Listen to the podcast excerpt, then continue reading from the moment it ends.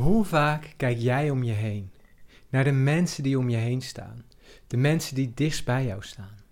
Ben jij je bewust van welke personen jij het meest tijd mee spendeert? Of are you just living in the motion? Ben jij niet bewust bezig met wie jij jouw tijd gunt? En waarom vraag ik dit überhaupt?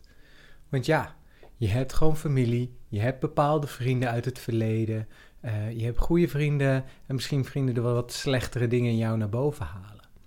Maar daarom is het juist zo belangrijk om bewust te zijn met wie spendeer ik mijn tijd? Aan wie gun ik mijn aandacht? Aan wie gun ik mijn luisterend oor? In deze aflevering ga ik hier dieper op in. Om jou te laten zien wat de impact is van de mensen om jou heen, jouw omgeving en wat het jou kan kosten of kan brengen. Welkom, dit is Man Search for Wealth. Mijn reis naar gezond, gelukkig en financieel vrij leven. Het is nu ongeveer iets meer dan een week geleden dat ik in een NLP-bubbel zat, samen met ongeveer 100 andere mensen zat ik in een hele mooie training, gegeven door Rutney Sluis en Pim Jansen. Zij namen ons mee in de wondere wereld van NLP. En dat heeft verder, NLP heeft verder niks te doen met dit verhaal, maar het ging wel om die omgeving. Ik mocht twee weken met deze mensen doorbrengen. In deze bubbel, allemaal mensen in mijn omgeving die wouden leren, die wouden groeien. En wat denk je? Wat voor impact heeft dat op mij? Wat voor energie voelde ik? Je merkte gewoon de energie. Mensen wouden, mensen gingen all in. Ik ging all in en kreeg soms complimentje. Menno, ik hou van jouw energie. Ik mocht mijn energie tonen. Ik mocht lekker springen, dansen, houden, huilen, lachen. Allemaal meegemaakt tijdens deze opleiding. Een echte aanrader voor mensen die uh, geïnteresseerd zijn in hoe we denken, hoe we ervaren, hoe we uh, onszelf kunnen veranderen, hoe we dingen uh, anders kunnen bekijken. En een van de dingen die daarin naar voren kwam tijdens de opleiding is je omgeving. De omgeving waar jij in zit bepaalt deels de persoon die jij bent. Om een extreem voorbeeld te nemen. Denk eens aan een Amerikaanse ghetto. Een echte ghetto. Een echte achterstandswijk.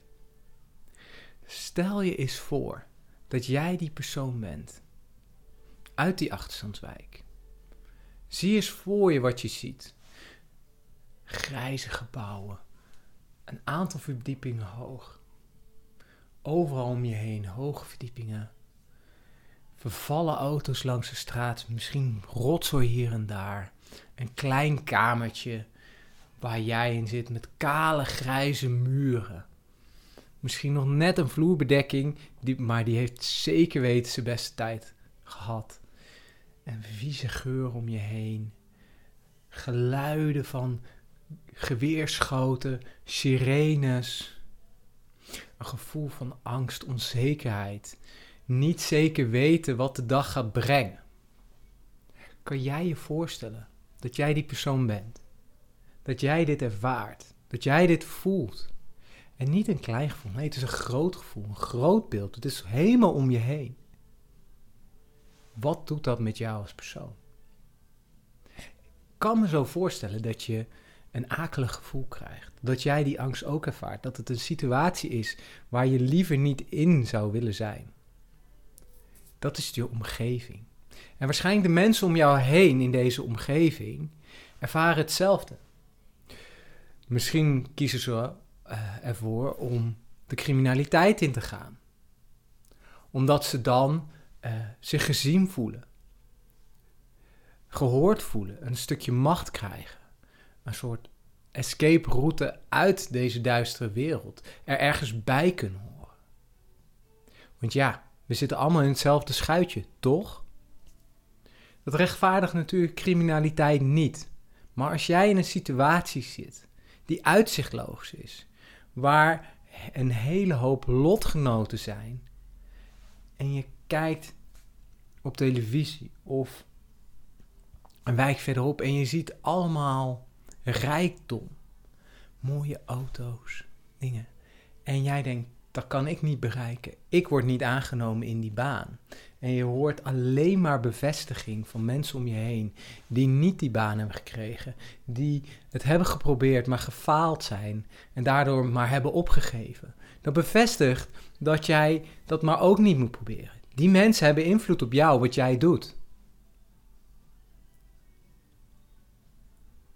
En dat was zo mooi aan die week, of die weken, hè, twee weken vol met al die mensen die wouden groeien. Mensen met ambities, mensen met de meest verschrikkelijke verhalen.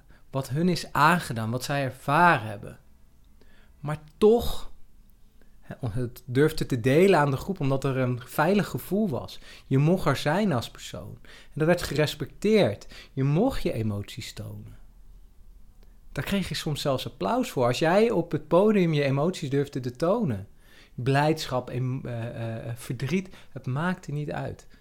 Je mocht gewoon zijn wie je wou zijn. Kan jij je voorstellen dat zo'n omgeving je meer vrijheid geeft? Je het gevoel geeft dat je er mag zijn, de persoon die jij wil zijn, of diep van binnen bent, dat die daar gewoon mag zijn.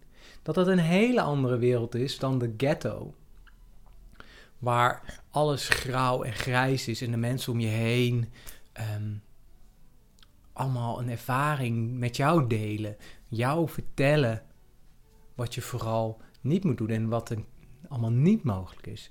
Terwijl daar in de opleiding juist heel veel werd gezegd: hey, dit is mogelijk, ik doe dit. En um, hey, ik doe het nog niet perfect, maar ik ben wel hiermee bezig. En uh, um, misschien uh, kan je dit ook doen. En dat is een hele andere omgeving, een hele andere mindset van mensen. En waarom vertel ik dit?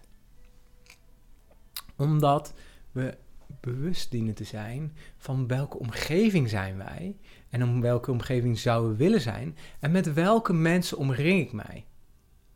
Ik heb een aantal keer op verschillende plekken gehoord. En de ene keer zeggen ze zeven, de andere keer zeggen ze vijf.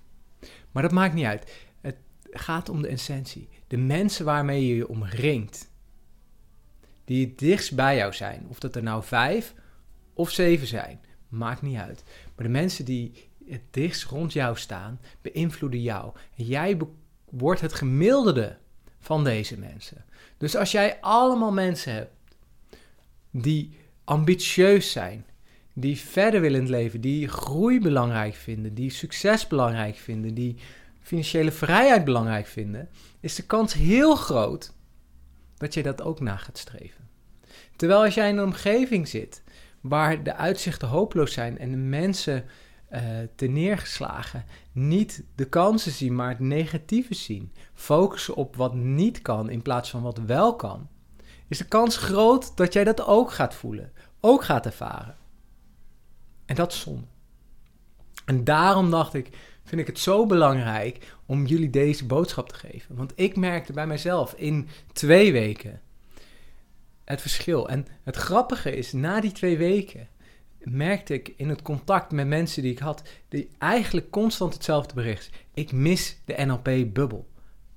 Waarom? Omdat in de realiteit een hele hoop we ons aan moeten passen aan anderen. Omdat we uh, uh, rekening moeten houden met iemand anders gevoelens. Want stel dat je iets zegt wat een andere niet uh, dunkt, of je zet iets op social media. Er zijn zoveel mensen die uit frustratie, uit jaloezie iets posten of reageren. Dat je soms denkt: mag ik er niet zijn? Doe ik iets fout? En dat is niet altijd aan jou, maar soms ook juist bij de persoon die reageert. En dat is zo zonde. Maar als jij juist positieve mensen om je heen verzamelt, mensen die jou willen helpen, groeien, jou ondersteunen. En misschien juist ook het belangrijkste, dat jij mensen helpt groeien en jij mensen helpt ondersteunen. Want wat is nou nog krachtiger dan geholpen worden? Is iemand anders helpen het beste uit zichzelf te halen. En daarom dacht ik, ik ga dit nu opnemen. Ook al heb ik Um, al lang uh, voor deze week de podcast opgenomen. Ik vond dit super belangrijk en dacht: dit wil ik met jullie delen.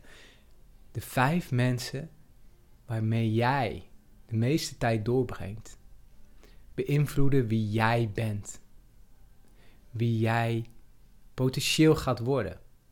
Dus denk eens na over welke vijf mensen jij het meeste tijd mee doorbrengt en of ze jou echt verder helpen. Dankjewel voor het kijken of luisteren naar deze episode. Vond je het een inspirerende of interessante episode? Vergeet dan niet te abonneren en je duimpje omhoog te doen.